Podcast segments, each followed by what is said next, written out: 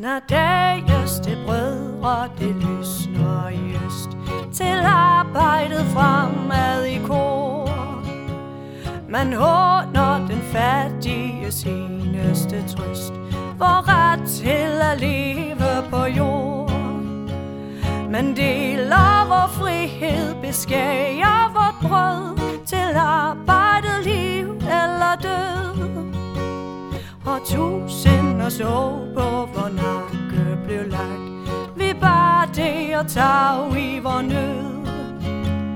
Men er vi de mange, så værer det sagt. Vi fordrer det daglige brød. Samt rigtige går vi i sorg og i nød. Til arbejde, liv eller død. Landsfader og landsforræder. Du lytter til De Røde Fjer med mig, Kalle Kylmand og Andreas Nørregård, og vi er nået til vores sidste afsnit om Stavning, Torvald Stavning, landsfaderen, statsministeren, det historiske politiske ikon, som, hvis han levede i dag, ville have røvrendt os alle sammen. Tak fordi I lytter med. Vi er nået til vejs ende i vores øh, serie om arbejderbevægelsen. Og øh, Andreas, har du nogle, øh, hvad hedder det, vidige bemærkninger, sjove betragtninger, inden vi kaster os ud i en tour de force om Øhm, ja, jeg tror, sidst, sidst jeg var måske overrasket over hans øh, seksuelle eskapader ja, i sidste afsnit, som vi var inde på, med øh, hans øh, øh, gavmilde øh, og, og flittige brug af især prostituerede Ja, og overgreb generelt. Øh, og det var jeg rigtig glad for, ikke? det, det virkede som om, at det var lige ham. Ja, det, ja, ja. Og, øh, der, det var jo dengang, at MeToo, det var en øh, by i, i Sovjet-Rusland, ikke? Præcis. ja øhm, Øhm, og apropos, når du nu nævner det der med prostitueret, fordi at, øh, jeg skal også lige, øh, vi skal lige hurtigt rette os selv, eller uddybe, tror jeg måske mere er korrekt at sige.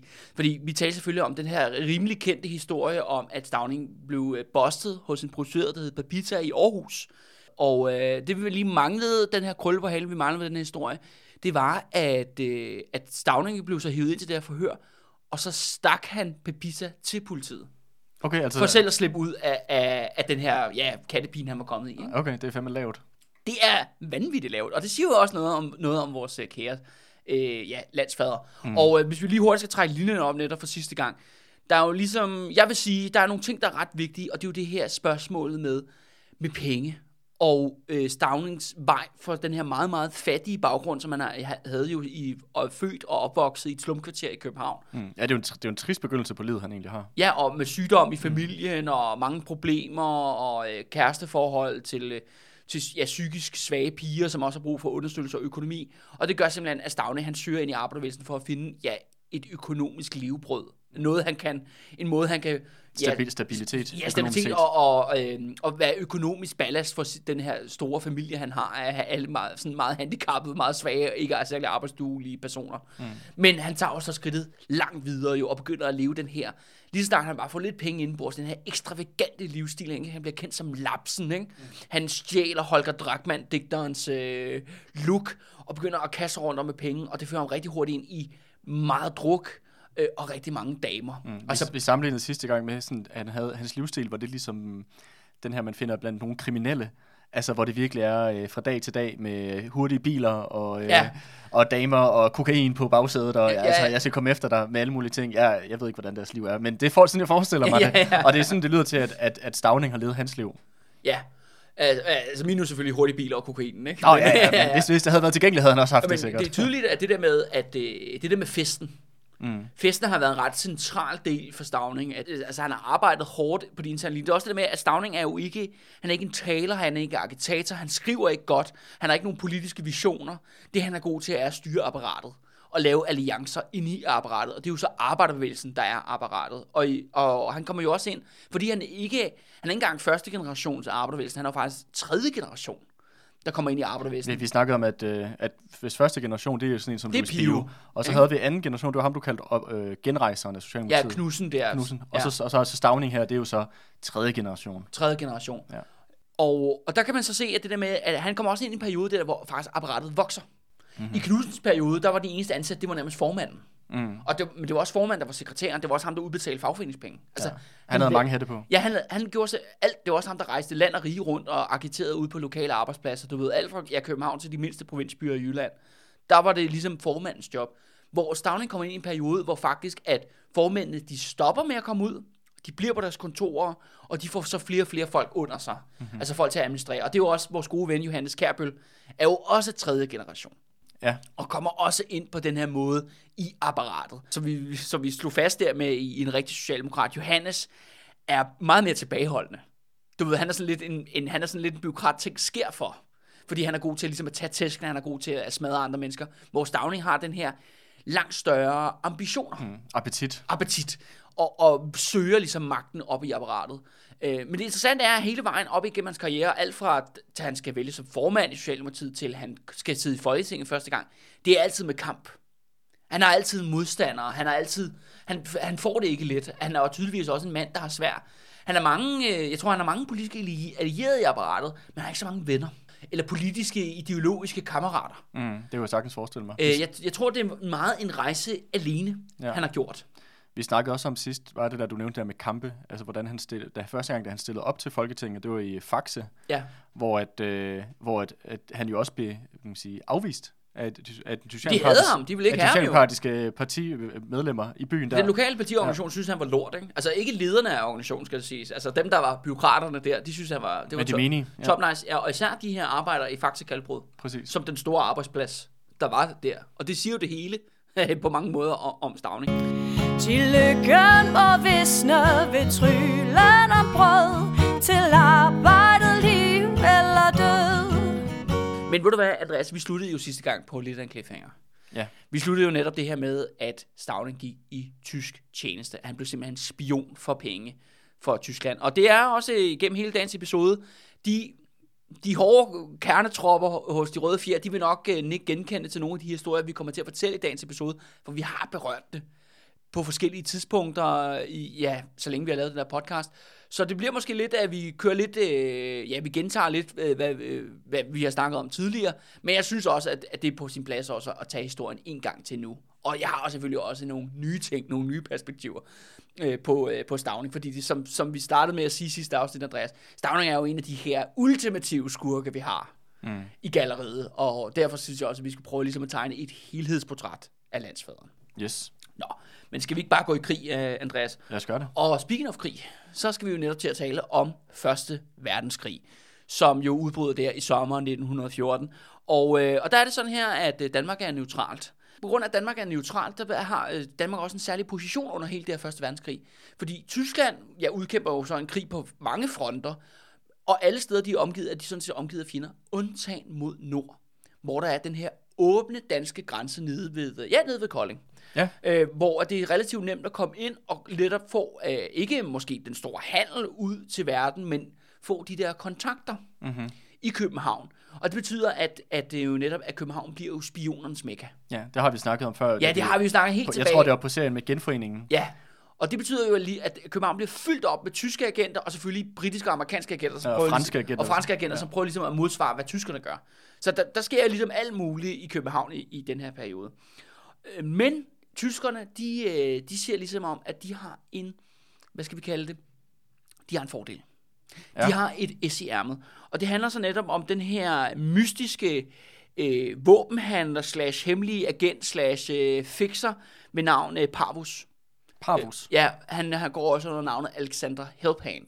Okay. Han er, øh, hvis man er godt inde i, øh, hvad hedder det, den, øh, den internationale arbejdsbevægelses historie, så ved man, at øh, han blandt andet har øh, været, han er russer oprindeligt, og har haft et, øh, har været samarbejdet med Lenin og Trotsky tidligere i sit liv. Nå, Men opgav ligesom revolutionen og slog sig på så simpelthen international våbenhandel i stedet for. det er også et karriereskift. Ja, det er jo noget karriereskift, og tjente millioner. Men det betød det der med, at han havde en baggrund i arbejderbevægelsen oprindeligt. Han havde også en masse kontakter. Ja, så han var ligesom et eller andet. Han var en, en person, Han der, var kunne- en der person. kunne få ting til at ske. Og, øh, og det er sådan her, at, øh, at Stavning og det danske Socialdemokrati, de har i mange år, ja lige siden partiet faktisk blev stiftet på mange måder, og er pive i sin tid, der har de set op til det tyske Socialdemokrati. Ja, Det tyske Socialdemokrati har stået som det store Socialdemokrati i Europa.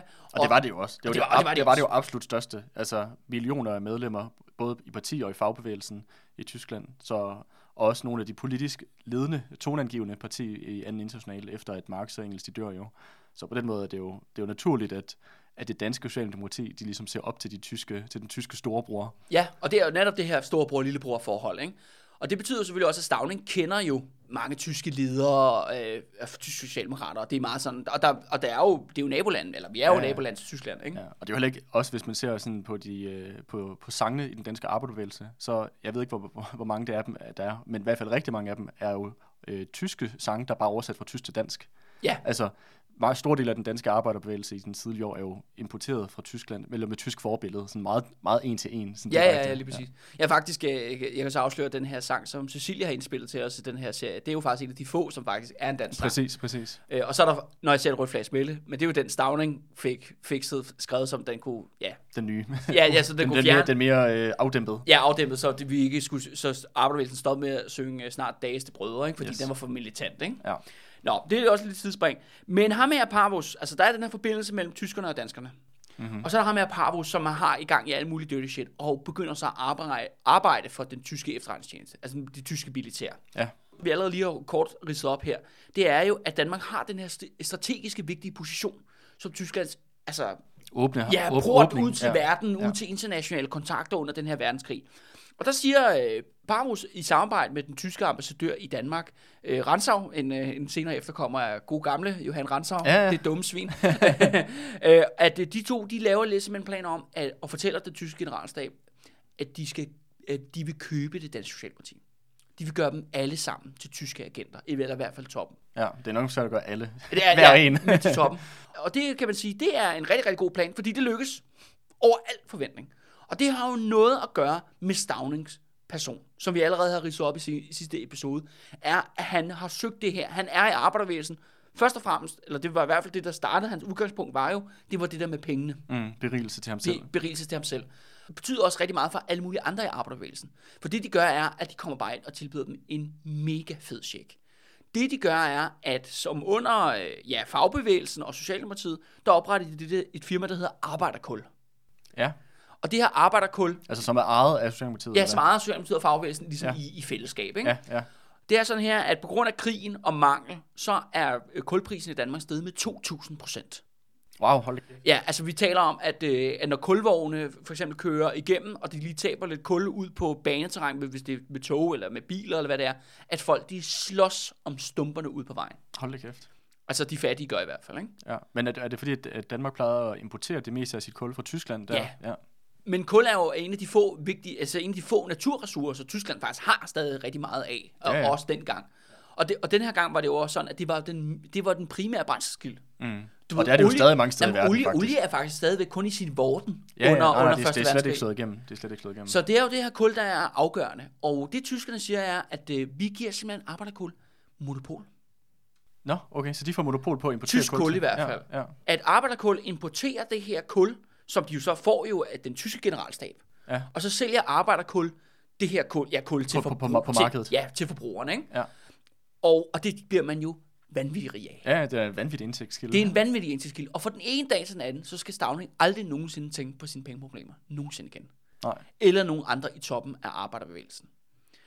Og det er jo, ja, det er jo rimelig ulækkert, at man kan blive købt for kolde kontanter. Og, Så øh, bare lige for at opsummere, bare for Ja. at være helt sikker på, hvordan, hvad er det for et, et scheme, de ligesom sætter op for at bestikke eller købe toppen af arbejderbevægelsen. Det, der gør, at du har den tyske generalstab, øh, med, blandt andet med på, på vegne af ham der, hvad kalder du ham, Paulus? Pa, Papus? Pa- Parvus. Parvus. Parvus, ja. Ja. ja. Det, eller det er en stiknavn, det er sådan et. Okay, han hedder Alexander, Wink, hvad, wink. du, hvad du kaldte ham, Alexander? Alexander øh, Helpan, det er også et dæknavn. Okay, det, kan, det er meget, Der er meget ingen, der ved, hvad han hedder. Okay, vores ukendte Alexander Helpan. ja, ja, men øh, det, han kunne være en, en skurke James Bond, ham her. Ja. det kan være, han, øh, det kan være, han kan få et afsnit en dag. Ja, knows? ja, ja. Men, øh, men det vil sige, at øh, på, du har den tyske generalstab med ham her, Alexander Helpant, blandt andet, som der opsætter det her selskab i samarbejde med den danske... Øh, Toppen af den danske afdeling. Toppen af den danske arbejdsbevægelse, det hedder Arbejderkul, og de får så monopol på at importere tysk kul og sælge det på det danske marked. Ja. Til de her skyhøje priser. Ja, og de bliver jo selvfølgelig så styrtende rige, at de får faktisk så mange penge, at de vælger at oprette deres egen bank.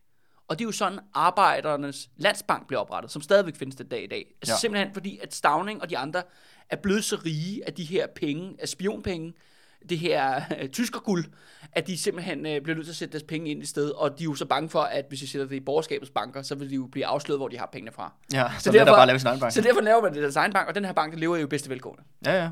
Ja. Så det vil også sige, det er jo direkte legacy, altså det er et rigtigt firma jo, og Ja, ja, ja. ja. man, kan, man kan åbne en konto i Arbejds... Den, jeg skal lige sige, den her episode er ikke sponsoreret af Arbejdspladsbank. Men selvfølgelig skal de have noget til gengæld. Mm-hmm.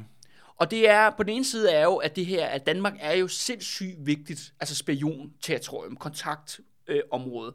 og når man har så stor en bevægelse, og så mange prominente politikere, der sidder i Folketinget og så videre, på sin side, De er vel også i regering på det tidspunkt? det kommer de først lidt senere. Okay. Fordi den her operation begynder at starte for alvor i 1915. Ja, okay. Men det gør jo selvfølgelig også, at man har noget politisk rygdækning, man har nogle kammerater, der ligesom kan være med til at beskytte en spionaktivitet i Danmark, altså på dansk grund øh, og, sige, og deres øh, agenter. Men det andet er selvfølgelig også, at man skal have noget mere for pengene. Og øh, det, der med nok er mest interessant, er, at man gør sådan to ting. Øh, Stavning og Frederik Borgbjerg, som vi snakker om i sidste afsnit, de begynder at blive øh, sådan diplomatiske tyske agenter. Og du er nødt til at, du er nødt til at konkretisere. Ja. Hvad, hvad, hvad, hvad er det for en ydelse, de giver tyskerne? Jamen det de gør er, at øh, tyskerne, som krigen går jo, er der, det interessante ved Første Verdenskrig er, at der er mange gange i løbet af krigen, hvor der er fredsforhandlinger. Ligesom sk- i det skjulte, mm. under dække i alle mulige udenlandske hovedsteder, der foregår blandt andet i Stockholm på et tidspunkt og sådan mm. noget. Og, øh, og det er, at tyskerne har brug for mellemmænd til at, ligesom at kontakte de allierede. Fordi det er jo sådan, med krig jo, så sætter man sine ambassadører hjem. Man, øh, du ved, bryder alt diplomatisk kontakt, og så lader man sådan set, du ved, soldaterne og våbne på slagmarken tale. Det er Ja. jo så politik med andre midler, som øh, Clausewitz, von Clausewitz ville sige. Ikke? Ja, ja, ja. Men, men man har brug for de her backchannels, man har brug for de her kontakter. Og det gør, at, at Socialdemokratiet, altså Stavning og Frederik Borgbjerg, de bestiller ikke andet under 1. verdenskrig, end at rejse rundt til London, til Stockholm og til alle mulige andre steder, og til Berlin, og bare agere tyske agenter. Okay. De, de, er, de bliver ligesom øh, det tyske udenrigsministeriums forlængede arm. Ja, ja. Og, og fordi de er jo netop for et neutralt land, de er danskere. Så kan de tage alle steder. Ja, ja, ja, så de er en lille form for, akt, øh, du, de er en lidt blødere aktør, ikke? Mm. Du ved, og det er, når man har sådan en verdenskrig, du ved, der, skal, der bliver spillet på mange tangenter, Ja, altså ja. i løbet af sådan en sådan stor konflikt. Ja. Men det andet er jo også, at der er også et propagandaformål. Og det er jo, at det danske socialdemokrati bliver jo vanvittigt pro-Tyskland, pro-kejser-Tyskland, og bruger, øh, ja, både i Danmark har de pro-tysk øh, propaganda, men også internationalt, igennem deres arbejderbevægelsekontakter rundt omkring. Men er det ikke også der, hvor at vi ser igennem Første verdenskrig noget med den danske øh, Secret Service, hvad nu det hedder, efterretningsvæsen, at det øh, mere eller mindre bliver importeret fra Tyskland med sådan tyske... Øh... Jo, det kommer jo så senere, men det kommer jo først efter Stavning er kommet med i regeringen. Nå, okay. okay. Yes. Ja, det, ja, så netop nu, er, altså vi kommer også til at lige snakke om vores venner lige om lidt, Erik Winter Ja, og Christian ja, Tien og ja. sådan noget. Men en, ting, som jeg synes, der er vanvittig, som er nok det mest groteske eksempel på, og det der med, hvad man kan købe for penge i den danske arbejderbevægelse, det er, at Stavning får arrangeret af ikke ham selv, men toppen af den danske fagbevægelse, altså DSF, altså FO i dag. Mm-hmm. De kommer simpelthen på en turné rundt i det besatte Belgien. Okay. Fordi at det er sådan her, at Tyskland har jo angrebet Belgien, og sådan prøvet at angribe Frankrig ind igennem Belgien, Ja. og besat faktisk det meste af landet. Men den her besættelse er jo vanvittigt brutal. Altså, vi taler om massehenrettelser, vi taler om tvangsarbejde ved fronten og i militærindustrien osv. osv. Og, og, og den belgiske befolkning sulter. Mm-hmm. Fordi man tager selvfølgelig alle de madressourcer, man kan ud af Belgien, og sender det til Tyskland. Ja. For ligesom at fortsætte, ja, sikre den tyske befolknings, eller krigsarbejdernes Ja, øh, så der er fødevarer. ikke? nogenlunde øh, ro på bagsmækken. Ja, ja, lige ja. præcis. Ikke? Og der sender man simpelthen uh, toppen af fagbevægelsen uh, rundt, og de, uh, og de skriver en lang rapport, der kommer i alle mulige aviser og internationale medier, og hvor de siger bare sådan, jamen det er bare det mundre folkeliv i Belgien. de kunne overhovedet ikke se, at der var nogle problemer. Men hør, altså det er ikke fordi, at uh, man, man kan ikke sammen, jeg synes ikke, det er svært at sammenligne Kejser-Tyskland med Nazi-Tyskland for eksempel. Ja, ja. Der, det er to forskellige regimer, og der er også to forskellige, altså graden af brutalitet er ret forskellige. Præcis. Fordi nazisterne er Det er ekstremt en helt anden liga. Jamen, øh, de er jo ekstremt på sådan en historisk verdensmæssig skala. Ja, ja. Hvor at tysk, de tyske kejserige er også brutale, men, Men det er ikke mere brutalt end så mange andre nej, lande på det, det, samme britiske tidspunkt. imperium på Ja, ja. samme tidspunkt, Ja. eller Frankrig på samme tidspunkt, Ja, eller ja. Rusland på samme tidspunkt. Præcis. Øh, så derfor, de, de tyske kejserdømme er mere som de andre europæiske stater er på mm. i den her periode. Men det, de, den der tur, de kommer ud på, altså, jeg har næsten lyst til at sige, at det er som om, at de har fået en rundvisning konditionslejr. Mm. Og, og, og, og sagt, ej, hvor er det bare, det er bare helt kanon, ikke? Mm-hmm. Og det er jo den der form for, ja, Så, de, ulækkerhed. så, så, så de direkte spre- spreder de misinformation og propaganda. Ja, lige præcis. Ja, fordi at selvfølgelig, at tyskerne skal have noget for deres penge mm. igennem det her arbejderkul. Men når vi så, og det er jo, kan, vi kunne lave en hel serie omkring det her, Andreas, i forhold til, hvad der foregik under Danmark under 1. verdenskrig. Men bare lige for at rise Det op. har vi jo faktisk lavet. Ja, det har vi jo faktisk lavet. men øh, i hvert fald med genforeningsjubilæet. Øh, men bare for lige for hurtigt rise op, fordi det er jo virkelig en, øh, altså det er en griner en periode, hvor alle er agenter for alle mulige andre end, mm. end Danmark. Der er faktisk ikke nogen, der gider at forsvare Danmark. Alle andre Nej, nej, har det er travlt med at franske og forsvare- britiske og tyske ja, agenter, lige, lige ja. præcis. Bare for at nævne, at kong Christian og vores gode gamle ven Erik Witt, ham der, den efterretningschefen, øh, de var jo begge to britiske agenter. Ja. Samtidig havde du også øh, H.N. Andersen for ØK, altså det store ja, øh, ja, Rederi. re- re- rederi der. Han øh, var jo også, altså han var arbejdede sammen både med tyskerne og, Og, og, og, englænderne. amerikanerne, var det ikke også? Ja, og amerikanerne og dem alle sammen. Og han havde sådan en fucked up idé om, at han gerne ville melde Danmark ind i Commonwealth Nå ja. i samme periode. Og han kørte sit, eget show. Ja, ja, ja. Og samtidig havde vi så også vores, øh, ikke, ja, ikke en ven, måske en uven øh, på, øh, på serien, netop øh, Erik Scavenius, Mhm. mm-hmm. øh, statsminister for besættelsen, som jo var udenrigsminister i den periode, hvor han ligesom spiller alle ud mod alle, mm-hmm. og prøver ligesom at få den bedste deal selv. Ikke? Ja, ja, ja. Så du ved, det er et sandt Clusterfuck. clusterfuck af ja. Efterretningsagenter og forskellige folk, der bekæmper hinanden og arbejder for udenlandske magter. Så det er ikke for at sige, at, at Stavning er, ja, danske konge var agent, Stavning var agent, Alle var agenter. alle var agenter, ikke? Det, København, du ved, spionens mekka, så. Ja. kort kan det siges, ikke? Og slævnes kun hadets den ulmende glød Til arbejdet, liv eller død Og det bringer så frem til, at netop at Stavning bliver minister mm-hmm. i 1916. Og officielt øh, så kommer det så af, at det Vestindien skal sælges til amerikanerne. Ja. Øh, men det tænker jeg ikke, vi går ind i endnu. Fordi Vi har, også, det, vi har også lavet et afsnit om Vestindien. Ja, ja, ja, det, det. ja, eller vi har kort talt om det, men, men hele det her Vestindien-sag er jo sådan set, som jeg ser det fra Stavnens synspunkt, bare en undskyldning for at blive minister. Der er jo den her noget, den infamøse natkongres i 1916, hvor Stavne igennem et 24-timers møde, om, altså, hvor de starter nærmest om natten, og så kører i 24 timer, får ligesom trumfet igennem, at han skal være minister, i den, indtræde som det, der hedder kontrolminister i den radikale regering. Mm-hmm. Og det han gør, det, det er, at... Kontrolminister, hvad er det? Jamen det er fordi, at øh, det viser med det her Vestindien, at, øh, at den radikale regering har løjet for Folketinget. Ja. Og, og det gør så, at Venstre og Konservative, de, fli, de flipper helt ud. Stavning synes, det er helt fint. Mm-hmm. Men øh, de flipper helt ud. Og, og det gør, at altså, man snakker om, at man skal vælte regeringen. Men løsningen bliver så i stedet for, at man udskriver en folkeafstemning Ja. om salget af Vestindien, som ikke rigtig nogen gider at deltage i, men det Nå, bliver det et... kan jeg godt huske, vi havde Ja, også. men, men det bliver et, vi sælger lortet, ikke? Mm.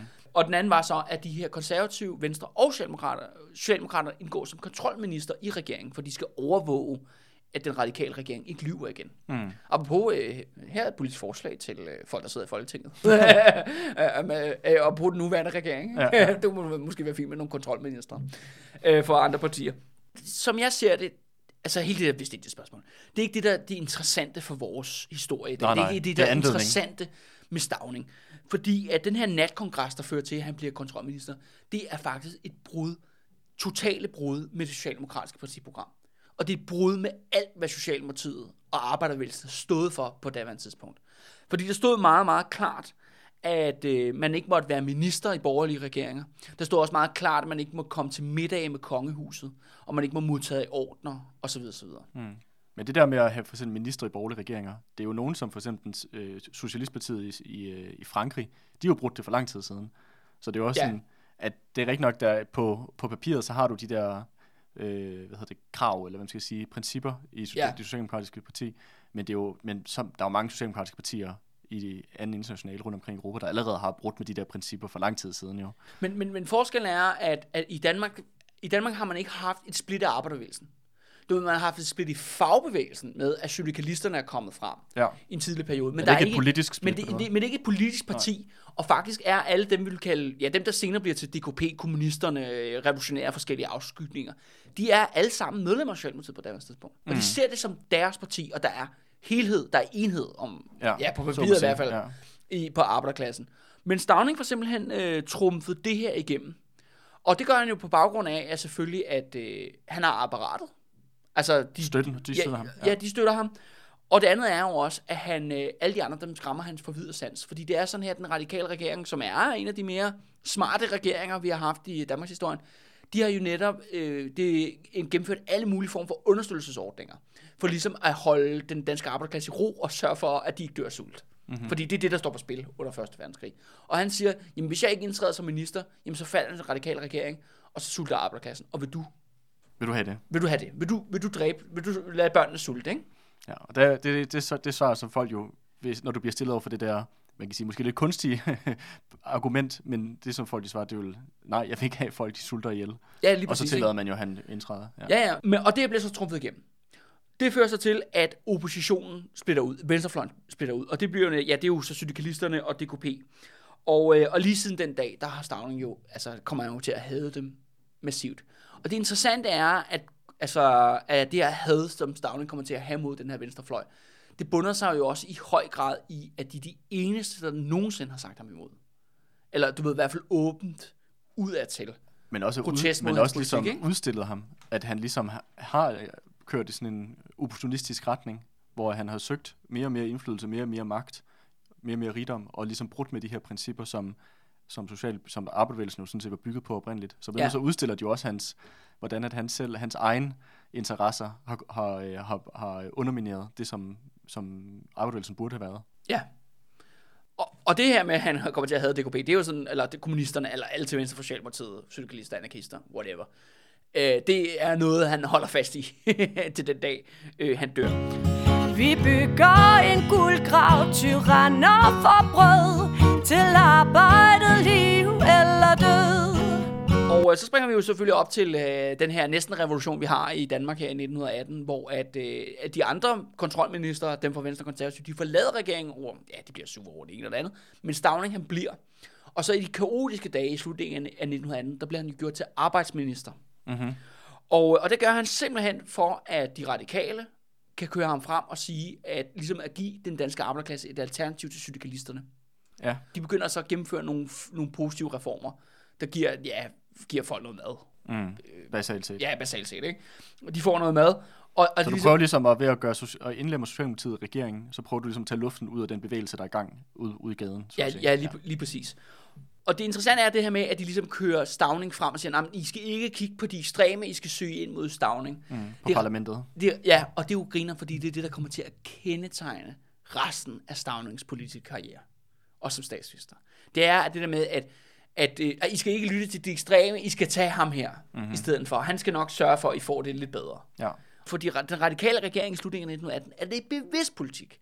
De opfinder faktisk den her rolle til ham. Okay.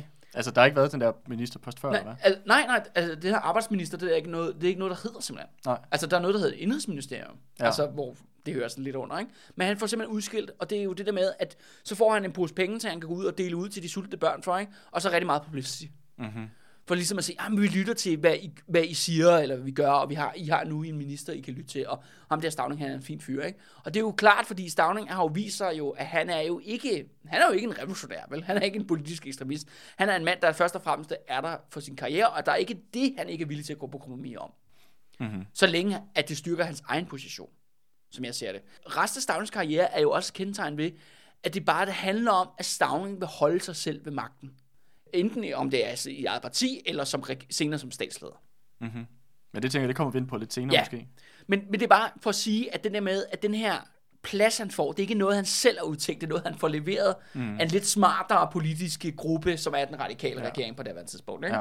At det ligesom bliver noget, der bliver muligt for ham at få på grund Ja. af den politiske udvikling. Og det er ligesom det, den her arbejdsministerrolle under den her revolution der i slutningen af 1918, det er ligesom det, er det der ligesom kommer til at kendetegne ham. Ikke? Det er Ja. ligesom med til at forme ham som politiker. Ikke? Ja, som, jeg ved ikke, jeg vil, jeg vil sige idol, men som politisk øh, symbol måske, eller hvad man skal sige, hans image. Ja. Sandrægtige går vi i sorg og i nød Til arbejdet, liv eller død Så har vi selvfølgelig, øh, ja vi har jo haft en hel episode om det, så man kan gå tilbage og genhøre det, den der handler om kongekuppet.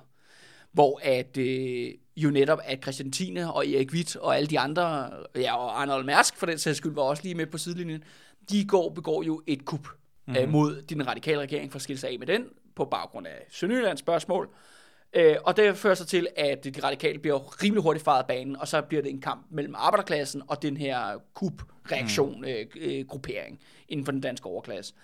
Øh, og det viser sig, at, øh, at Borgbjerg der, som er jo lidt mere Ja, ja. Folkelig. Ja, jeg har jo lidt et, et, et, et jeg kan godt lide Frederik Borgbjerg, ikke? Eller sådan, jeg kan har, jeg godt høre. Jeg, jeg, jeg har sådan lidt et, et, et, et, hvad skal vi kalde det, et godt øje til ham, ikke? Mhm. Mm-hmm. Uh, han kommer jo netop til at ud og, og, kommer til at råbe ud, eller skrive på i avisen, Socialdemokraten, han er redaktør jo, at uh, kongen begår statskup, det skal mødes af generalstræk og revolution, ikke? Mhm. Mm-hmm. Hvor Stavn siger, åh, det, det, er, det er alt for vildt, ikke? Ja. Men hvor at Frederik Vi må, kalde, vi må kalde til et samråd i stedet for. Ja, ja, ja, lige præcis. Men hvor at, øh, at det ender jo faktisk med, at Stavning og Frederik Borgbjerg, de laver jo en alliance med syndikalisterne ja. og med Venstrefløjen, med DKP'erne. Og, og derfor slår, smadrer de kuppet, ikke? Og lige så snart det sker, så vender de selvfølgelig mod syndikalisterne og, det, og, det, og. DKP'erne, som vi har talt om, øh, talt om før. Og det er jo også det der med, igen så ser vi det her med, at Stavning går balancegang.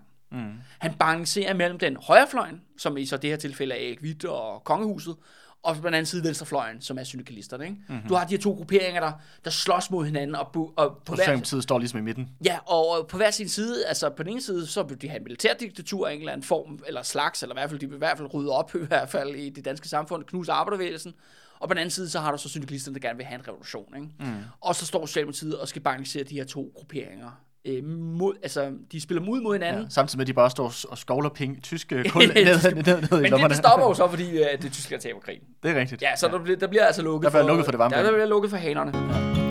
Til lykken må visne ved tryllen om brød Til arbejdet liv eller død Så tager vi altså en lille, en lille afstikker her Mhm. mm-hmm. i, i narrativet, fordi at det er simpelthen en grinerende historie, øh, som, øh, som, har, en, som har, har faktisk en betydning i dag. Øh, Andreas, kan du fortælle mig, hvad at øh, Socialdemokratiets øh, netmedie hedder? Nu står der. Piu Piu. Det gør det, ja. Ved du, hvorfor det hedder Pio Pio? Øh, altså, jeg vil gætte på, at det kommer fra Louis Pio. Det er fuldstændig korrekt. Du er sat med skarp i dag. Det er godt at høre, at du, øh, du lytter, du følger med, Andreas. Det er rigtigt. Det hedder Pio Pio, som en ja, hyldest til grundlæggeren.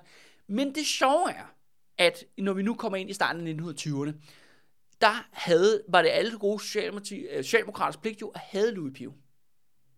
Ja. Man talte ikke om ham, han var udskældt, man svinede ham til, fordi han var jo den her mand, der stak af. Ja, han tog pengene. Ja, han tog pengene og stak af, som vi talte om i aller, aller første episode af den her serie.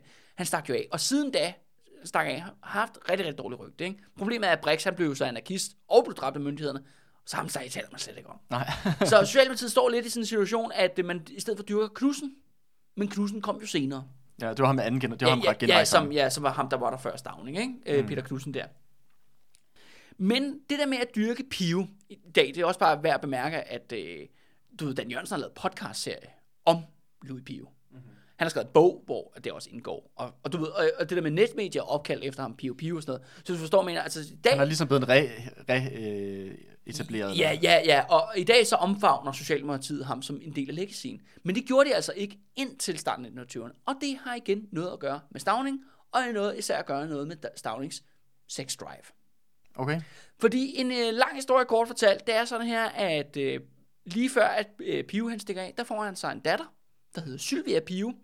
Hun vokser selvfølgelig op i USA i stor, stor fattigdom, men Sylvia Pio, hun har én ting, der er, hun har et kort på hånden, det er, at hun ser skide godt ud. Mhm.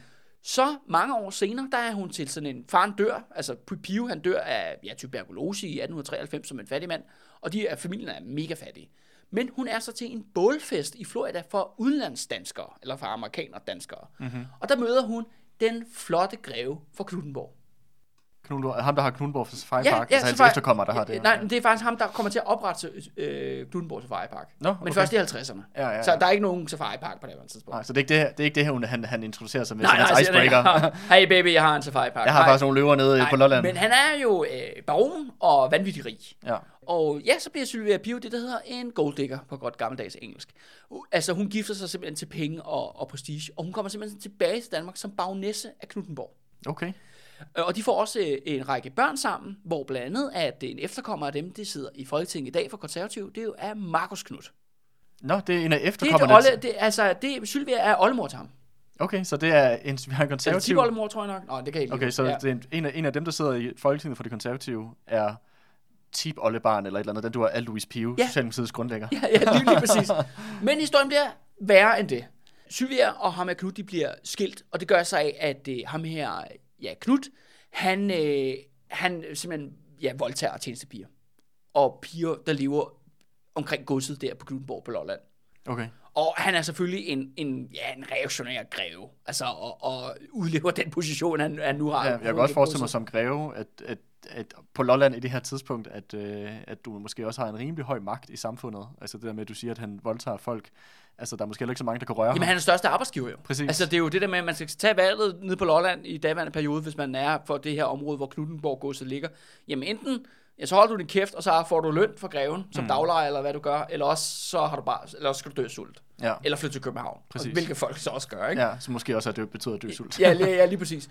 Og det fører så til, at, øh, at Sylvia der, hun, øh, hun bliver så skilt, hun flytter til København, hun øh, får et forhold med en meget kendt skuespiller, der hedder Poulsen. Det er ikke, fordi han er så interessant. Men Sylvia har en mission. Hun vil gerne fikse sin fars dårlige minde. Ja. Hun så meget op til sin far. Altså havde en tæt forhold til Louis Pio. Og hun kan ikke leve med, at han er den her hadet person i den danske arbejderbevægelse. Så hun tænker, hvad fanden skal jeg gøre for ligesom at fikse min fars uh, memory, ikke? Legacy der. Så det hun gør er simpelthen, hun går direkte efter at have sex med Stavning. Nå. Og vi har en, øh, der findes en række brevkorrespondance mellem de her to, som er bevaret for eftertiden. Og jeg kan lige love dig for, Andreas, det er fandme ikke for børn. okay. Det er virkelig, det er hede sager, altså med Sylvia, der vil krølle ham i skægget og alt muligt gøjl, ikke? Altså, Pille cigarstumper ud af hans ja, skæg. ja, og handjobs til højre og venstre. Okay. Det, bliver, det er rigtig, rigtig slibrigt. Og fordi at Sylvia Piu ser godt ud, hun er charmerende og så videre, så videre, så han falder faktisk for en pladask. Og det fører så til, at øh, da Socialdemokratiet, apropos jubilæum, i 1921, der er der jubilæum for Socialdemokratiet, der legner de det helt store show op, fordi at Sylvias handjobs har ligesom ændret, fået Stavning til efter ændre holdning til, til Pio. Det der sker er, at Pio han bliver øh, simpelthen hentet fra USA, bliver gravet op for den her fattigmandskirkegård, han har ligget på i Florida, og bliver sat ind med prompt og pragt på Vesterkirkegård og får sat en kæmpe søjle monument over sig. Mm-hmm. Den anden er, kan du huske, at der var, det nu var, Og han ligger der i dag også. han ligger den dag, dag i dag, ja. og du kan nok huske, at Pio han døde derovre, Brix han blev dræbt af politiet, ja. Og kom og blev begravet i Aalborg. men der var jo den sidste dude, ham der hed Gilef. Ja. Men Gilef har brød med Pio, mens de boede i USA, og så har han faktisk været hjemløs de meste af årene. Og han blev faktisk fundet på dødens rand på sådan en hjemløse herberg i Seattle, steder. Okay. Og han bliver simpelthen fragtet, får simpelthen billetten betalt til at komme tilbage til Danmark i 1921, så han kan være med til det her. Wow. Og han bliver så Socialdemokratiets ærespensionist. Okay. De betaler simpelthen for resten af hans liv til, at han dør øh, i Italien i 1928 i- på sådan en ferieresort. Okay, så det er simpelthen hele den gamle garde, der, der Ja, bliver, det- enten, øh, enten bliver de øh, plejet for, øh, eller også så bliver de ligesom øh, genetableret som nogle, nogle æresfulde medlemmer, grundlægger af Socialdemokratiet. Ja, lige præcis. Og det, og det er simpelthen det grund til, at det hedder Pio Pio i dag. Det er på grund af Sylvia Pius altså bevidste forførelse af statsministeren. Okay. For ligesom at få Louis Hendes, Pio hendes far et godt ry igen. Ja, og det er kun derfor. Okay. Ellers ville der aldrig, tror jeg, aldrig nogen, der vil snakke om, snakke om Louis Pio den dag, dag, dag, den dag i dag. Nej. Så Stavnings liderlighed er simpelthen grunden til, at, øh, at det simpelthen er noget, alle skolebørn lærer om i dag. Mm-hmm. Det synes jeg bare er en meget sjov historie. Jamen, det er det der. Men øh, hvad er det, hvad får hun, du sagde, hun fik nogle børn med ham der greven dernede på Ja, Lolland. det gør hun. Ja, efter, det sjove er jo så faktisk, at Sylvia Pio, lige snart, eller Sylvia Pio, lige snart at hun har fået det, hun vil have af Stavning, så dropper hun ham. Ja. Og så bliver hun så øh, elsker i stedet for med den sovjetiske ambassadør, Okay. Ja, ja. Og hun flytter til Moskva. Okay. Og dør, øh, eller hun dør ikke i Moskva, men hun bor der faktisk over nogen, i en periode. Nå. Og dør så i starten af 30'erne af kræft. Okay. Altså i, en relativt ung alder, ikke? Ja, okay, ja. men øh, action-packed liv. Ja, ja, fuldstændig. Men øh, de der børn, hun får som med greven, altså Knut-greven der, de, øh, det er især den, øh, den ældste der, det bliver virkelig, virkelig gralt. Øh, fordi at øh, udover, han starter faktisk med, at øh, han har faktisk et arbejde på et sovjetisk landbrugskollektiv i Ukraine, Nå, i, øh, i, der i øh, slutningen. hun tager med ham, eller Ja, han eller- tager, han tager med, med ikke? moren der. Ja. Men han, senere hen, så skal han blive øh, øh, nazist. Det er meningen, at han skulle være kulturminister i en naziregering, hvis nazisterne har fået magten under besættelsen. Og så bliver han pædofil. Eller han er pædofil. Eller var pædofil. Okay, og det er, ikke bare, og- det er ikke bare din vurdering. Det er, Nej, det er vi simpelthen ret ord for, også fordi at han er pædofil, eller han yder incest mod sin egen mindreårige datter. Okay, shit. Det er ham, der har oprettet Safari-parken.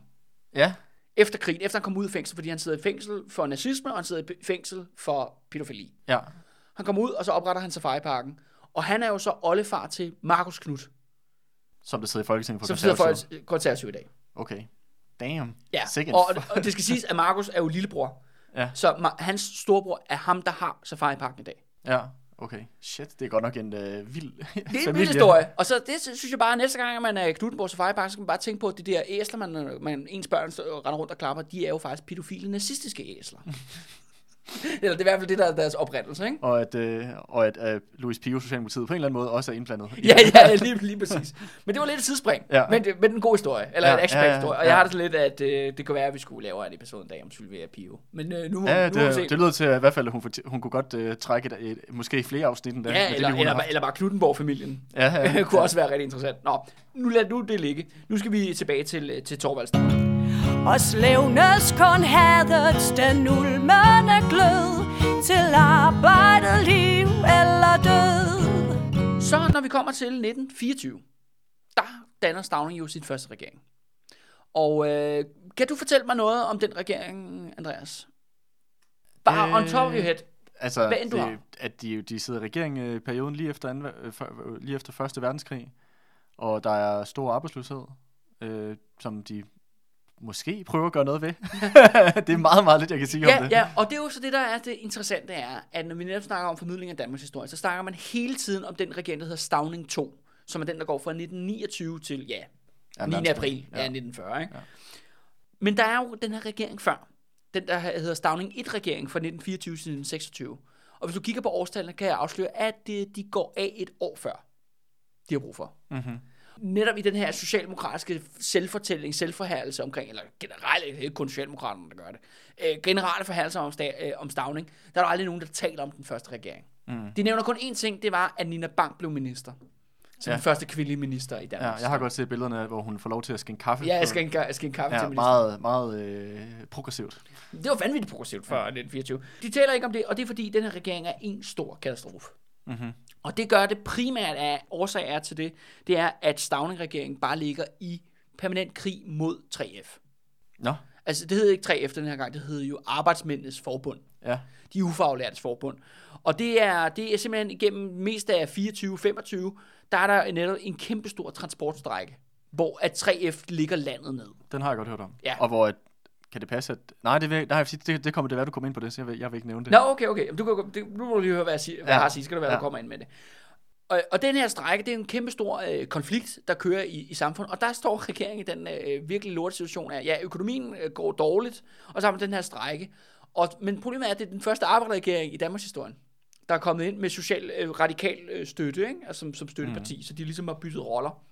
Og det ser jo fucking dårligt ud for den regering, at de sidder ved magten, men de leverer ikke det, som tydeligvis som De kan levere, arbejderklassen vil... de kan levere ingen reformer. Præcis. Der sker ingenting på reformbasis. Det hele handler om den her konflikt, og så er det jo det, at Stavning forbereder Danmarks historiens, eller Socialdemokraternes første regeringsindgreb på arbejdsmarkedet. Mm-hmm. Så det der med, at Socialdemokraterne laver indgreb mod fagforeninger, det er noget, de altid har gjort. Way back. Der er jo ingen grund til at blive overrasket. Nej. Altså over, det skete for sygeplejerskerne her, og, der, eller, og det vil ske igen i fremtiden. Mm. Og det har været sådan her for day one. De kommer faktisk ikke til at bruge det, men de forbereder det. Ja. Det grinerne er faktisk, at det, er også en dyb hemmelighed, at de har forberedt det, men øh, Frederik Borgbjerg, han kommer lige til at lægge det ved en fejl. Okay.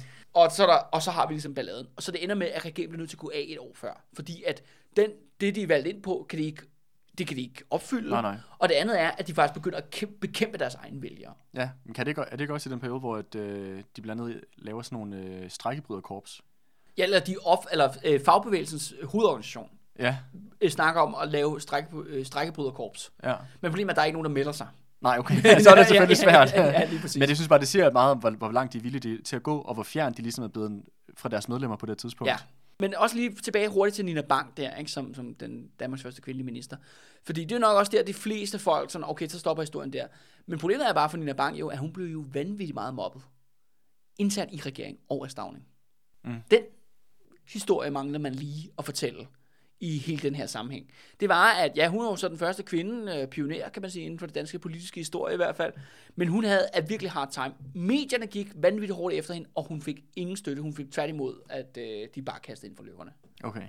Og som man også kan høre, er Stavning den første Stavning-regering også pladet af mange politiske skandaler med ministerne. Du ved, Frederik Borgbjerg, han lægger lige det der til pressen. Ja, ja. Øh, Nina Bang øh, kan ikke holde sig kæft, så hun skal mobbes til stillhed. Og så er der også ham her, øh, som er socialminister, som vi snakker, skal snakke om lige om lidt. Øh, han er, laver også en masse ballade i den her periode. Okay. Så det er virkelig en, en katastrofe.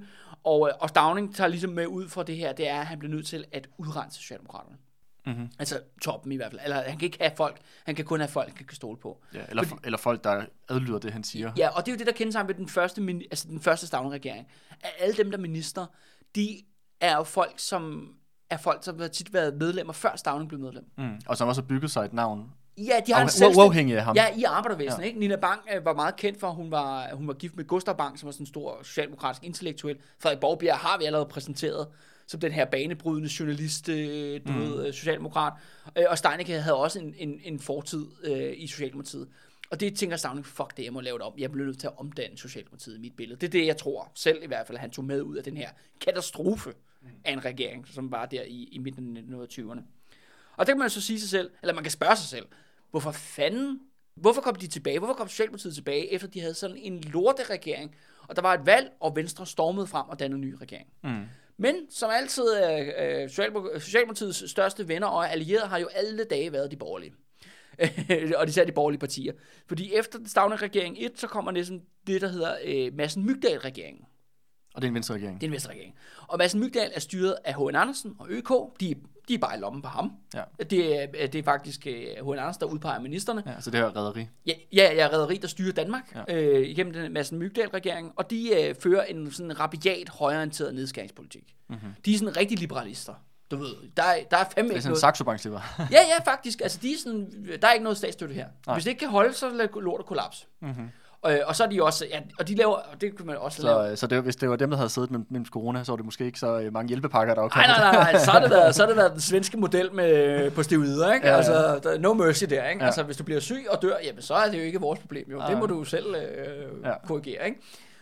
Og, og det bliver jo så også Stavnings store redning. Det bliver den store politiske hjælp af, at hans katastroferegering bliver aflyst af en endnu mere fucked up regering. Mm. Som, og som også er den regering, der sidder, da Wall Street krakker i 1929. Mm. Der sidder det jo som den lort. Der sidder de med det der lort, ikke? Og så ligesom kommer Stavning ind bagefter, og så skal samle stumperne op efter den her katastrofe af en venstre regering. Og så kommer faktisk Venstre ikke til at have du, øh, statsmagten i mange, mange år. Vi bygger en guldgrav, tyranner for brød, til arbejdet, liv eller død. Det, vi træder ind i nu, endnu, er det, der blev, er blevet kaldt øh, det socialdemokratiske årti, eller den socialdemokratiske guldalder. Ja. Og det er jo det der med, at de har jo så regeringsmagten fra 1929 til 1940. Vi har selvfølgelig Stavning eller Kaosvalget i 1935, mm-hmm. som en slags højdepunkt Ja. i den her, øh, den her periode. Øh, og det er jo så den samme periode, hvor at alt det, du har hørt om før, kanslergade for livet, Stavning, eller, ja, Stavning eller Kaos, og hele det her, øh, det er ligesom, øh, ja, det kører ligesom. Og han får den her landsfaderposition, og den her kulten opstår omkring Stavnings person, og som jo faktisk lever til den dag i dag. Mm. Mm. Men øh, han sidder jo også i 11 år. Det sidder han sidder i 11 år jo. Ja.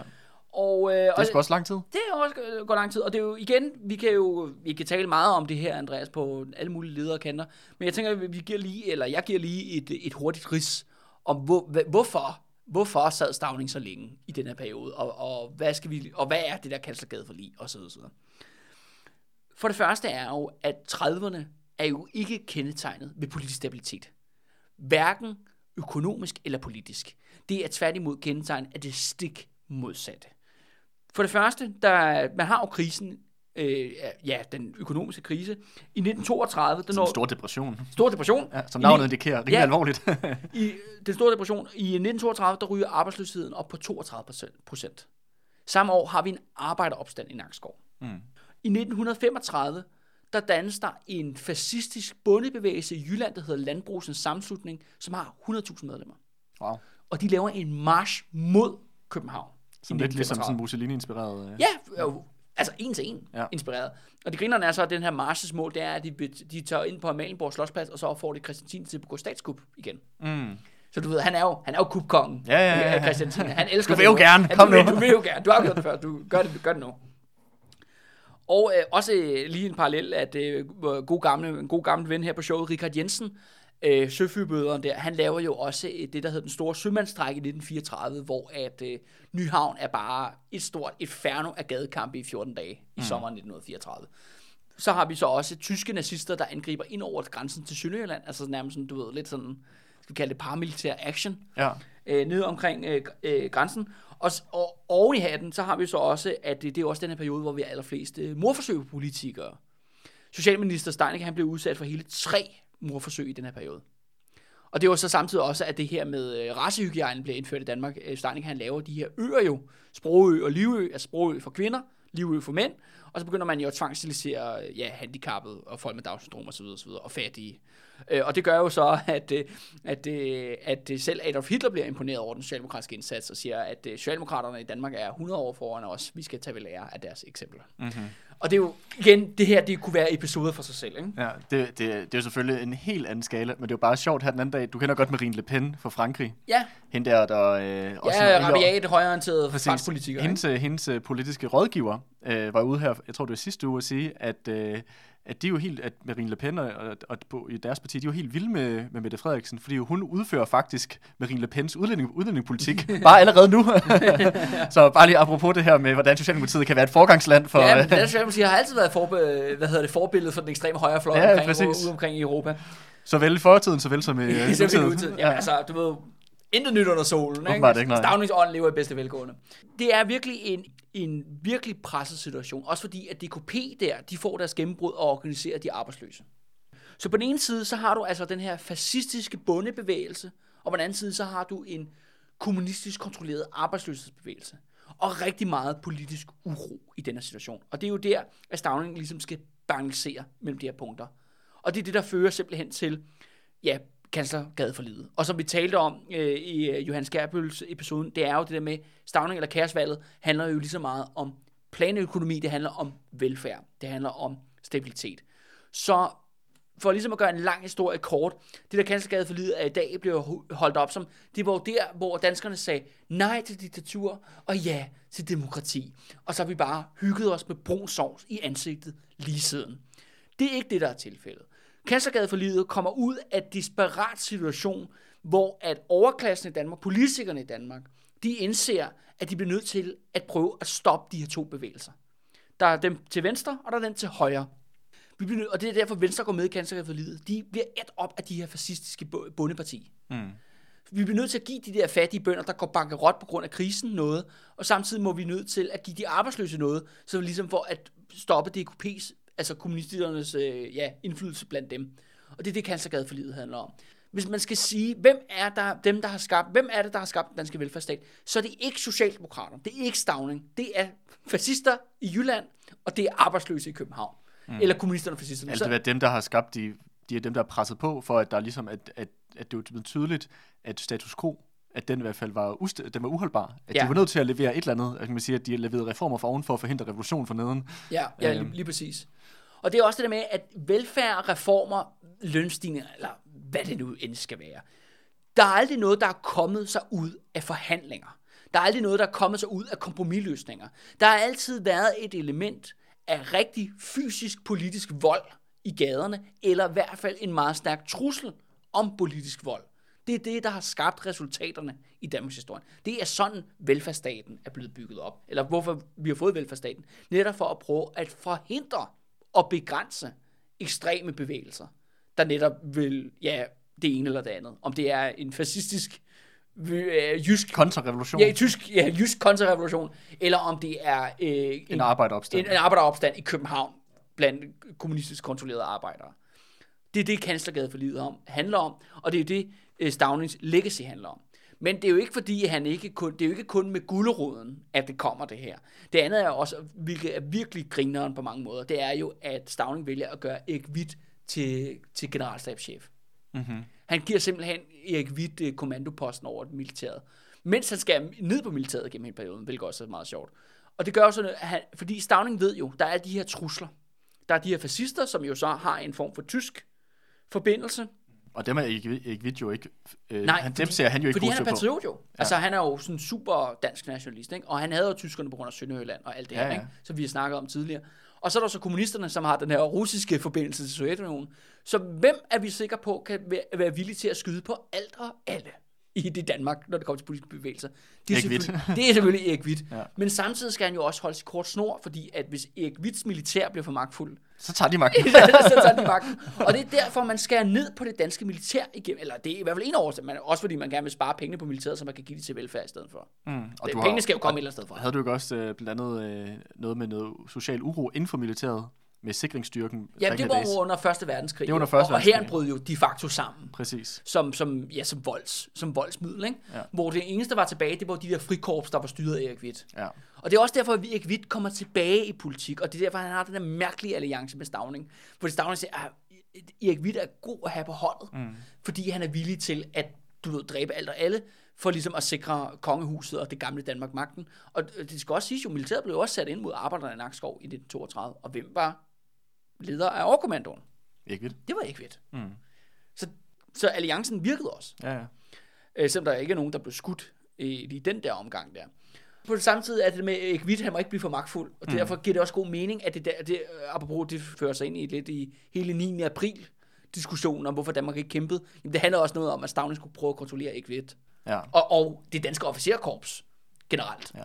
Men man kan sige sådan, hvis man skal prøve at sådan opsummere lidt, så vil jeg sige, at det virker som om, at Danmark på det tidspunkt er fuldstændig sådan spændt op af både sådan forskellige klassemodsætninger og, og modsætninger mellem politiske fraktioner i samfundet. Om det så er Erik Witt, sådan gamle royalister, eller om det er kommunister, eller om det er de her fascistiske bønder i Sønderjylland, Ja, eller ja, hvad det er. ja. Det virker som om, at hele sådan, øh, hvad skal man sige, at, at alt ligesom er, er spændt, øh, spændt sådan til bristepunktet i de her indre politiske øh, modsætninger i hele samfundet. Og så står, så står Stavning der så balancerer midt i det hele. Midt i det hele. Ja. Ja. Og det er jo så også her, hvor Peter Munk, som vi også har talt om, ham her, Cortesius historiens far. Det er jo her i 30'erne, at de, de radikale intellektuelle, de begynder jo så at pege på Stavning og sige, han er den eneste garanti. Eller et socialdemokrati, et højreorienteret socialdemokrati, er den eneste garanti for, at, at vi i hvert fald kan beholde vores del af kagen. Mm. Og det er her myten bliver skabt, og det er jo også det der med landsfadermyten, den stærke mand osv. osv. Og du ved, folk får han hængt hans billede op alle mulige steder og sådan noget, ikke? Altså det er jo det, de gør jo, at ligesom fordi, at der er alle de andre, der vil rive det danske samfund fra hinanden, ikke? Eller lave opstand, revolution, eller hvad fanden de nu har gang i. Og så hvem skal, er de eneste, der, der skal slå ned på alt det her, og ligesom holde en tilpas stor mm, gruppe af befolkningen i ro, jamen det er jo Socialdemokraterne. Mm. Men der sker også en række andre interessante ting med Socialdemokratiet og arbejdervægelsen generelt set i, uh, i den her periode.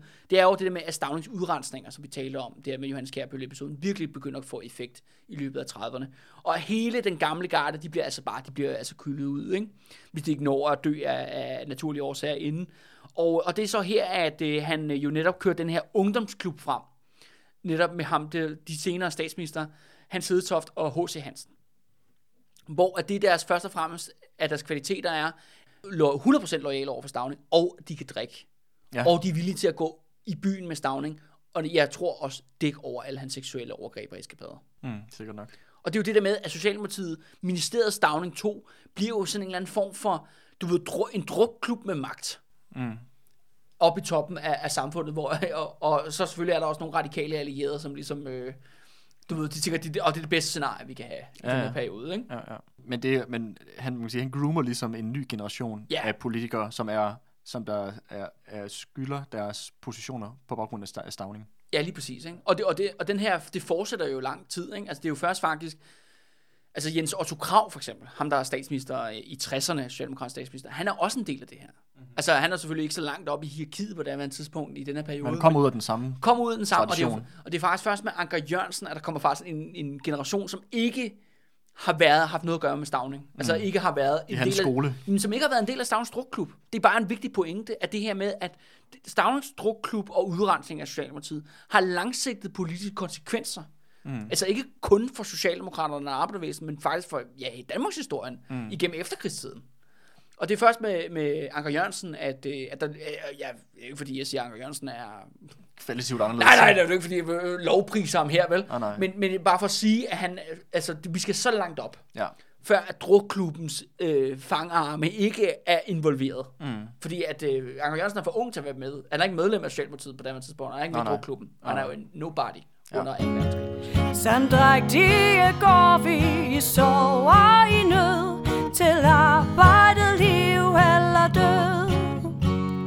jo i forhold til det politiske.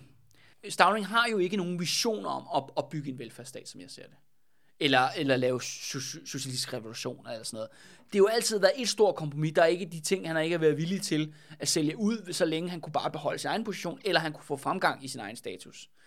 Men det interessante er, og, og så, så ud, at det er også ham, der udrenser alt om socialistisk revolution i principprogrammet. De får en ny sang i form af, ja, når jeg ser et rødt flag smelle, osv. Mm. osv.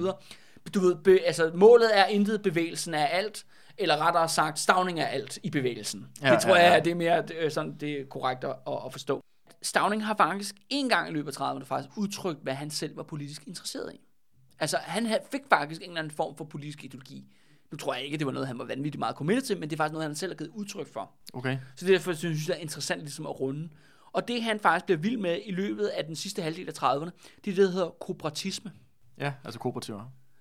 Ja, men er du sikker på, hvad, hvad, hvad, når du hører kooperatisme, hvad tænker du så, Andreas? Jeg tænker, at du har de her, altså blandt andet sådan noget, det der med andelsbevægelser og, øh, og hvad hedder det, kooperativer på, øh, på virksomheder, og hvor det ligesom er, bliver sådan et redskab til at skabe sådan et, altså i- citationstegnet, sådan arbejddemokrati, eller sådan en, en, en anden, eller lidt mere langsom, rolig vej over til et socialistisk samfund igennem det der med, at du lige så stille til bare tager ejerskabet, øh, til, hvor medarbejderne lige så stille tager ejerskabet igennem.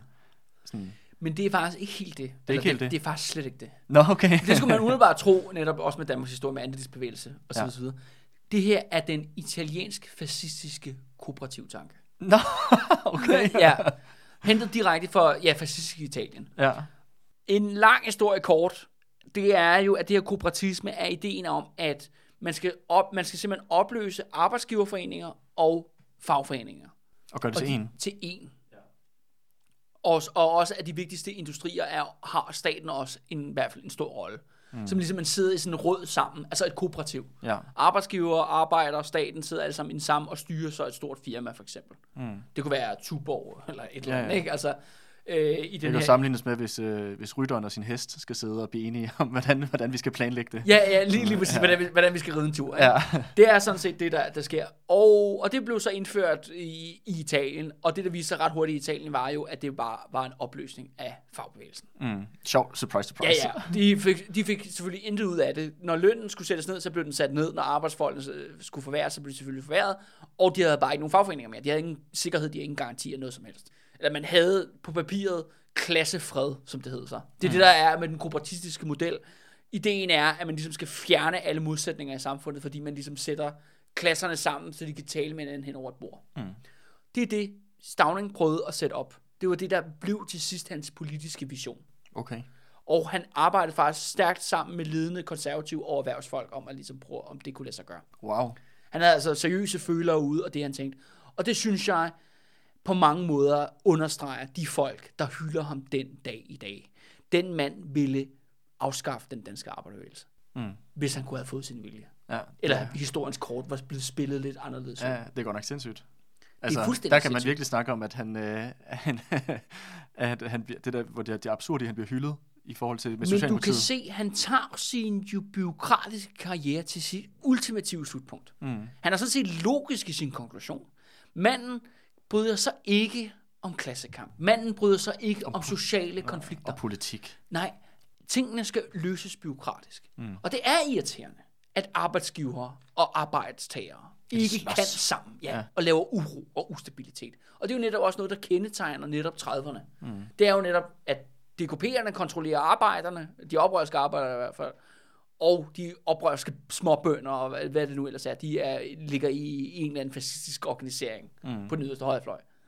Det, øj, det skal stoppes. Ja, ja. Så derfor vil han jo faktisk lave en eller anden form for monopolistisk stat, hvor at Socialdemokratiet har sådan set kontrollen på en eller, anden, eller på en anden måde over de forskellige aktører i samfundet. Mm-hmm. Det er det, der ligger i den kooperatistiske tanke. Det lyder lidt som om, at han Og vil det er jo egentlig også det, mor Mette, ikke? hun vil, vil jeg sige, i forhold til, hvordan at, øh, hun i hvert fald styrer sin regering.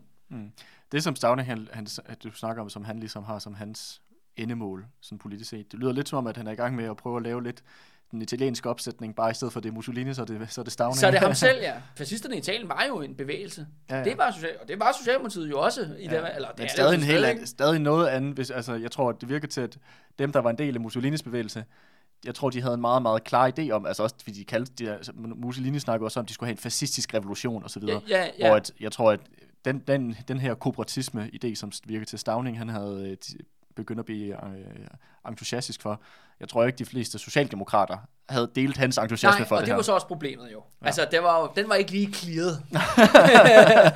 I mange ledere. Jeg tror altså selvfølgelig, altså den hårde kerne, altså folketingsgruppen, regeringen, ministerne, der er grund til, at der har været udrensninger. Mm. Det var ikke det for dem. Nå, nej. kampen vil stå.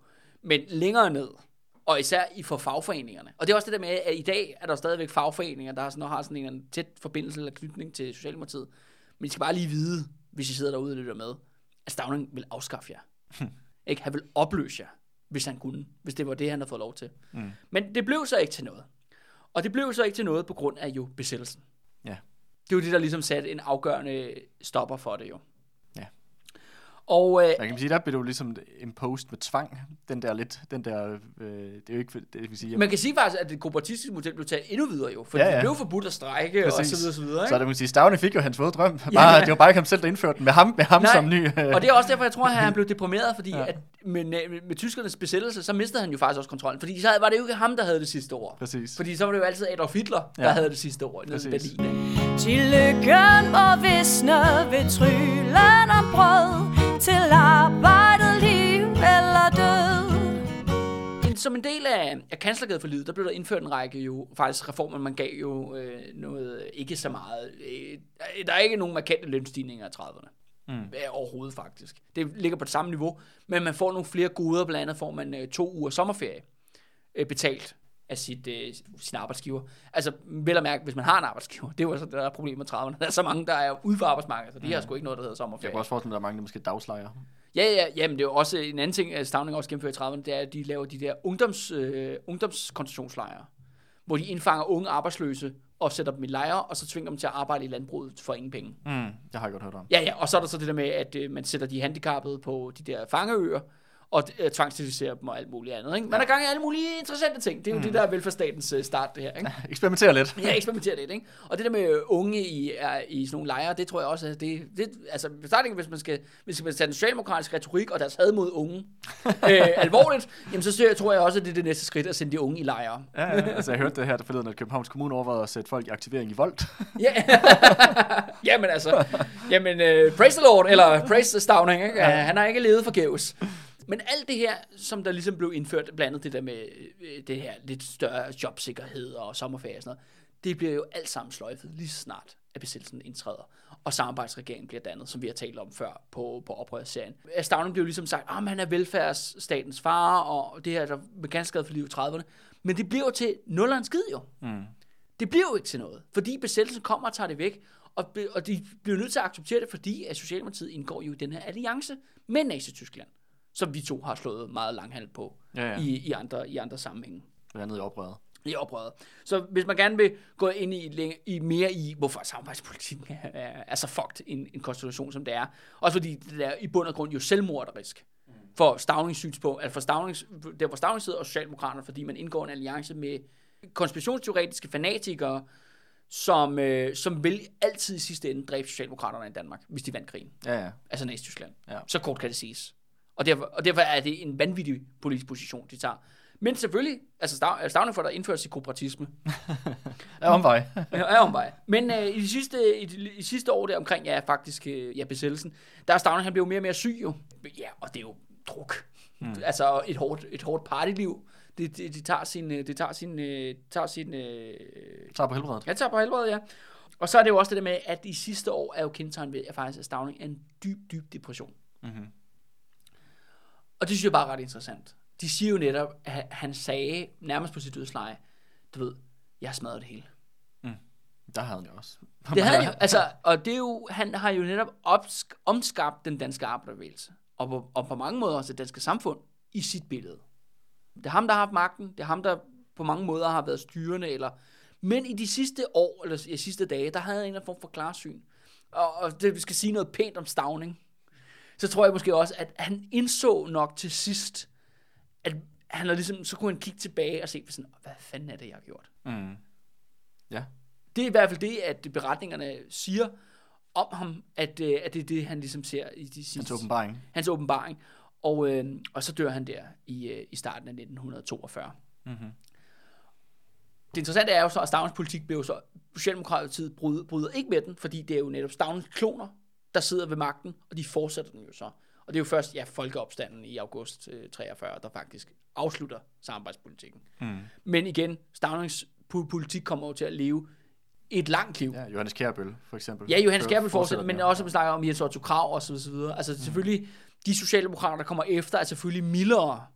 Altså, de på mange måder er de ikke lige så brutale, som Stavning var til nogle tider, vel? Men de fortsætter jo hans politik. Mm.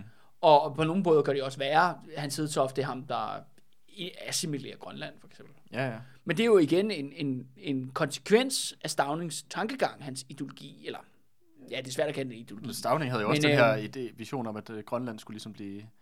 Jeg ved ikke, om det, var, om det lige var, at det skulle blive dansk og øh, assimileres på den måde, som det blev senere hen, men han havde i hvert fald, en, han havde i hvert fald fuldstændig købt ind på sådan dansk imperialisme i Grønland. Ja. Så på den måde, det er jo, det er jo noget, der ikke, på den måde falder æblet ikke langt fra stammen, så at sige. Nej, Og slævnes kun hadets den ulmende glød Til arbejdet, liv eller død Og der bringer os også til, til afslutningen, Andreas. Og øh, du påpegede i sidste episode, at der er jo interessant mange fa- sammenligningspunkter med en anden meget kendt person fra samme tidsperiode, og det er netop Josef Stalin. Mm-hmm. Der er både det her med en fattig barndom, altså en hård, fattig barndom, bliver aktiv i arbejderbevægelsen og arbejder sig langsomt op igennem det her system. Mm. Ikke gennem politisk kunde og Nej. snille, eller være en leder politisk set, men gennem byråkrat, byråkratiske... Øh, arbejde og poster, og sekretærposter Ja. og så videre, så videre. Og så komme op, og så øh, bryde med alt, hvad man stod for politisk, for ligesom at lave en ny form for regime. Udrense det parti. Udren, ja, udrense. Og, Hvor øh, Stalin gjorde det måske lidt mere med kugler og kanoner, eller ikke kanoner, men med kugler og, Ja. og gulags. Men det var jo også en udrensning, hvor et Stavnings er jo så bare en, også, en, også en politisk udrensning, men hvor et tvangspensionering ikke? tvangspensionering af, af, de, af de andre af, de, gamle. af de gamle socialdemokrater. Ja. Øh, og så er der også det der med kulten. Mm-hmm. En, den her førerkult, eller hvad skal vi kalde det, landsfaderkult, eller, mm. som de også har til fælles. Ja. Det er jo virkelig vanvittigt interessant. Og det er jo selvfølgelig, St- Stalin har jo millioner af mennesker på samvittigheden. Det kan man jo ikke ligefrem sige om Stavning. Men det er mere, at de er, jeg vil sige, de er den samme form for arketype. Mm. De er begge to øh, diktatorisk anlagte mennesker, der bliver kommer op i samfundet igennem arbejderbevægelsen. Mm. Og arbejderbevægelsen er jo et relativt nyt fænomen på den historiske øh, bane. Ikke? Det er jo først noget, der kommer der i midten, slutningen af 1800-tallet. Og virkelig kulminerer jo i den første halvdel af 1900-tallet. Og det er jo den, præcis den samme historiske forløb. På mange måder er der, det er jo overraskende, hvor mange paralleller mm. der er mellem de her to. Og vi kan sikkert også komme på nogle andre eksempler. Stavning kommer til at fremstå nærmest som Danmarks svar på Stalin. Ja, jamen på den måde synes jeg, det er jo meget tydeligt det der med, hvordan at de her ens miljøer, altså med arbejderbevægelsen, og især den højre, højrefløjen i arbejderbevægelsen, den der byråkratiske del af arbejderbevægelsen, de, de fostrer de samme personer med de samme kvaliteter, og de samme... Ja, Sådan, på, trods, på trods af på tværs af sprogforskelle ja, Ja, ja. ja. nationer. Eller og hvad det ene, er et, øh, det ene er et, øh, et land med kapitalisme, altså Danmark, og det andet har en planøkonomi, men alligevel så er det de samme, og der er det selvfølgelig også nogle helt andre øh, hvad kan man sige, beføjelser, som Stalin har sammenlignet Ja. ja. med sådan en som Stavning. Men, men på den måde kan man jo se bare sådan i, i kimform, de, ikke engang bare i kimform, bare i, i mindre skala, de samme former for drives, de samme former for øh, øh, hvad hedder det, tendenser i, i Stavning, som man ser med sådan en som Stalin. En anden ting, som jeg også lagde mærke til, det var da vi snakkede omkring Frederik øh, Broberg og Peter Sabro. Frederik Borgbjerg. Ja, Borgberg, Ja. ja. Frederik øh, Borgberg og Peter Sabro, hvor vi snakkede om, at de ligesom troede, at de ligesom kunne øh, på en eller anden måde kontrollere Stavning, eller sådan bruge ja. ham lidt. Og det er jo det samme som, øh, hvad hedder det, Zinoviev og Kamenev, to andre øh, sådan bolsjevikker, som jo Ja, sovjetiske ledere efter sovjetiske Lenin. ledere der. er, som, øh, som, jo- som også støttede op om Stalin, øh, hvad hedder det, lige efter Lenins død, fordi de også troede, at de kunne kontrollere Stalin og ligesom skubbe ham foran, men ligesom, at det jo rent set var dem, der kunne køre showet. Øh, og det endte jo, de endte med at begge to også at blive dræbt i de der skueprocesser i, Ja. ja. øh, i 30'erne i Moskva. Og, det, og på den måde synes jeg bare, det er, at det virker som om, at, at der er virkelig mange ligheder med, at folk, både folk, både folk under, undermod, hvad hedder det, um, undervurderer dem, øh, undervurderer, hvor udspekuleret de sådan Ja. set er, og hvor, øh, og, øh, og ja, man ligesom tager fejl af, at bare fordi de, de der sådan grå, grå eminenser, de der, der ikke rigtig de blander sig i diskussionerne, men så har de stadig visioner, og meget voldsomme visioner, som de, som de er øh, villige til ligesom at gå meget langt, og meget, tage mange voldsomme midler i brug for ligesom at opnå. Ja. Men man kan selvfølgelig sige, at det er jo også, øh, nu er der nok nogen, der slå sig i tøjet og siger, at øh, Stavning er Danmarks Stalin. Fordi- Ja, ja, alle, alle sammenligninger har sine begrænsninger, og Ja, ja, det her ja. jeg har tydeligvis også nogle Ja, ja, ja, ja, ja, det klare historiske, men, Men- men jeg synes det der Men med... det er også for det at forstå med det der med, at Danmarks rolle, altså Danmark som det her lille svage land, kan selvfølgelig ikke lave udrensning eller drab på millioner, fordi det er jo ikke det, man kan som dansk statsleder, mm. som, som Stalin kunne i Sovjetunionen. For Stavning var det jo ikke til at starte med, det var ikke, en- han ville jo ikke en revolution, han ville jo ikke en, en klar øh, hvad hedder det, magtovertagelse. Det var noget, han ligesom blev skubbet ind af. Han blev den her, han blev den her buffer mellem øh, du ved, det danske borgerskab, for, først i form af de radikale, og senere hen af højfinansen. Det interessante er jo for eksempel, at Arnold Mærsk der, som vi har snakket om på Rivaler, han var jo med til at købe et hus i Stavning i 30'erne. Nå, de købte simpelthen, øh, han boede jo i Kanslergade, sjovt nok, på Østerbro, i sådan en lejlighed der, som var meget fin og sådan noget, men de synes, det ikke var godt nok til Stavning, så toppen af dansk erhvervsliv, de købte, eller de betalte for, at han kunne få en arkitektdesignet villa op, i, øh, op øh, på Strandvejen op i Hellerup. hold da op. Nå, det er egentlig ikke. Og det tog han jo med, med kysshånd. Ja. Og det er også, jeg tror måske, det er den centrale forskel mellem Stalin og, øh, Stauning. og Stavning. Det var, at Stavning endte med at blive forvalter af det danske kapitalisme og det danske borgerlige demokrati. Mm. Da, da, da Stalin kom til, der har der jo været en total social omvæltning. Ja, ja. Der var ikke noget borgerskab nej, nej, nej, altså. alt, alt var vendt på hovedet. Ja. Så det var en ny situation, det var en ny økonomi og, og alt muligt. Nye, som- magt, nye magtforhold på en eller anden måde. Ja, en ny magtforhold, han tog magten over, hvor at Stavning netop på grund af ja, en lidt anden proces jo viste sig at være villigt redskab for borgerskab i 1918. Men så senere hen i løbet af 30'erne, begyndte han jo også ligesom lidt at udvikle sin egen Ja, ambitioner. ambitioner og mål, og det er jo blandt andet det med kooperatisme-ideen kommer ind i, ja. i billedet, som han ser som et naturligt endemål for sit, for sit styre. Mm. Og det er også derfor, igen, jeg synes, at det, man kan retfærdiggøre den her sammenligning, fordi kooperatisme i den italienske version, den fascistiske version, er en afslutning på demokratiet. Mm. Som du kender det i hvert fald. Ja. Partiet, Socialdemokratiet, skulle have kontrollen med alle facetter af samfundet. De skulle i hvert fald have en stemme alle steder, have en repræsentant alle steder, mm. og ligesom have holdt, du ved, tæt forbindelse. Og det er også klart, at igen og igen, som man gjorde allerede i 1925, i forhold til, da 3F det lavede den der store transportstrække, han endte jo igen og igen med at stille sig først og fremmest på, som han sagde, økonomi, den danske samfund, samfundssindet, den danske samfund som helhed. Men det betød igen og igen jo, at han valgte at først og fremmest varetage dansk kapitalistiske interesser. Mm. Og de familier, inklusiv Arnold Mærsk, og, og det er så sjovt, at de har så kun hårdt over for ham, da de prøvede så op at gå et kup der Ja. ja. med Højgaard-kredsen, ikke? Så det er jo også nogle tvivlsomme allierede, ikke? Altså, Ja, ja. Han, han finder sig, og, og ligesom Erik Witt, Ja. som også var en del af det der kupforsøg, ikke? Præcis. Jeg vil sige, det er også kortsigtet. Eller han vir- det virker som om, at han også... Men en- manden har ingen plan, jo. Nej, men det er også med mange af de alliancer og ting, han laver. Det er, sådan, det er kortsigtede løsninger på problemer, der er nu og her. Som, men der- er, der er, hvad hedder det, der er den her fascistiske jyske bønder, eller, Ja. eller øh, vrede øh, arbejdsløse kommunister i København og sådan noget. Vi må finde en eller anden løsning, så bliver det kanskeret Der må, på det, jeg mangler nogen allierede, jeg må finde mig nogen. Det må være Erik Witt, han kan, han kan bruges. Ja. Altså på den måde så virker det som om, at det ikke fordi, der er den lange, sådan forkromede plan, at det er de der sådan, løsninger nu og her. Når vi havde den, der, den første Stavning 1-regering, hvor der var fuldstændig kaos med mine ministre, løsning, jeg må, jeg må erstatte det med nogen, der er nogle nikkedukker, som der Ja. gør, hvad jeg siger. Altså forstår du, hvad jeg mener? Ja. At det er meget den der sådan empiriske sådan, problem, løsning. Nyt problem, ny lø- løsning. Men det var også præcis sådan, Stalin agerede politisk. præcis. ja, ja, ja. Vi bygger en guldgrav, tyranner for brød, til arbejdet, liv eller død. Øh, har du noget andet at sige, øh, Andreas? Er der noget andet ting, du har tænkt over? Øh, nej, jeg har, ikke, jeg har ikke noget, som, som jeg sidder og brænder ind med. Øh, Udover jeg synes, at det er, det, er, det er, jeg vidste ikke det der med kooperatisme. Det synes jeg skulle ret vildt, at, øh, at han endte med at gå i den, sådan, den grøft. Jamen, det, det sjove er, at det er jo det eneste gang, hvor jeg sådan kan konstatere, at han har lavet taget et politisk valg. Ja. Altså, hvor han faktisk begynder at have en idé om sin fremtidsvision. Hvad vil han gerne have, at Danmark skal blive eller være? Mm.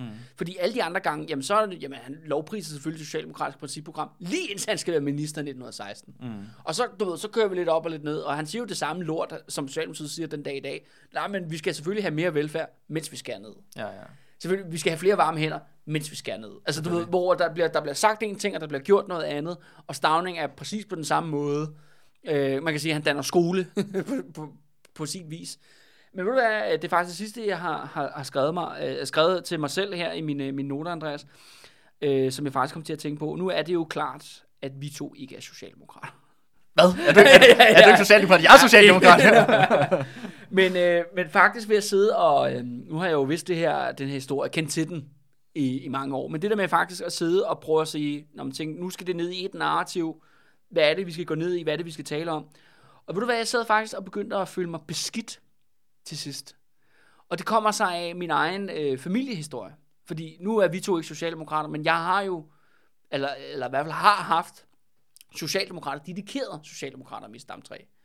Min øh, tiboldefar, som øh, var soldat under 1. verdenskrig, han øh, var den første, eller sådan går familiehistorie i hvert fald, den går på, at han var den første, der stemte socialdemokratisk i øh, Jersi, som er sådan en lille landsby, eller var en landsby dengang i slutningen af 1800-tallet her, her på Sjælland. Hvor efter han havde endet stemt Socialdemokratiet, så blev han, han øh, bombarderet med sten af de lokale. Okay. Fordi han var han ligesom kommet ud åben som, som socialist, ikke? Min oldefar, som var med i øh, modstandsbevægelsen, øh, det er ikke fordi, det skal have, handle om det, men ret sigende vil jeg sige, var, at han havde tatoveret en socialdemokratisk ruse på sin arm. Okay.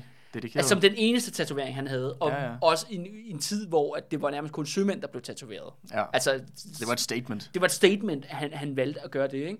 Og min morfar, som har optrådt her på, på podcasten, at øh, havde været medlem af Socialdemokratiet stort set hele sit liv jo. For han fik stemmeret, da han var 18, øh, og først meldte sig ud, da Helle Thorning blev statsminister i 2011. Ikke?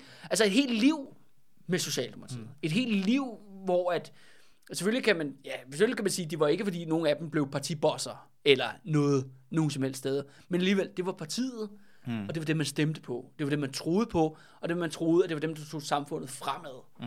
og havde skabt de der ting. Og det er derfor, jeg føler mig beskidt, Andreas. Men er det ikke også noget at du engang har været med i DSU? Nej, jeg har været med i SFO. Nå, i Ja, ja, SFO. ja, ja, ja, ja. Det har jeg også før i tiden, så det, det kan vi være. Ja, ja, Det kan ja, føle os også beskidt over. men, men i dag kan man så sige, at det er jo, ja, det er jo bare Socialdemokratiet light, ikke? Ja, ja, ja.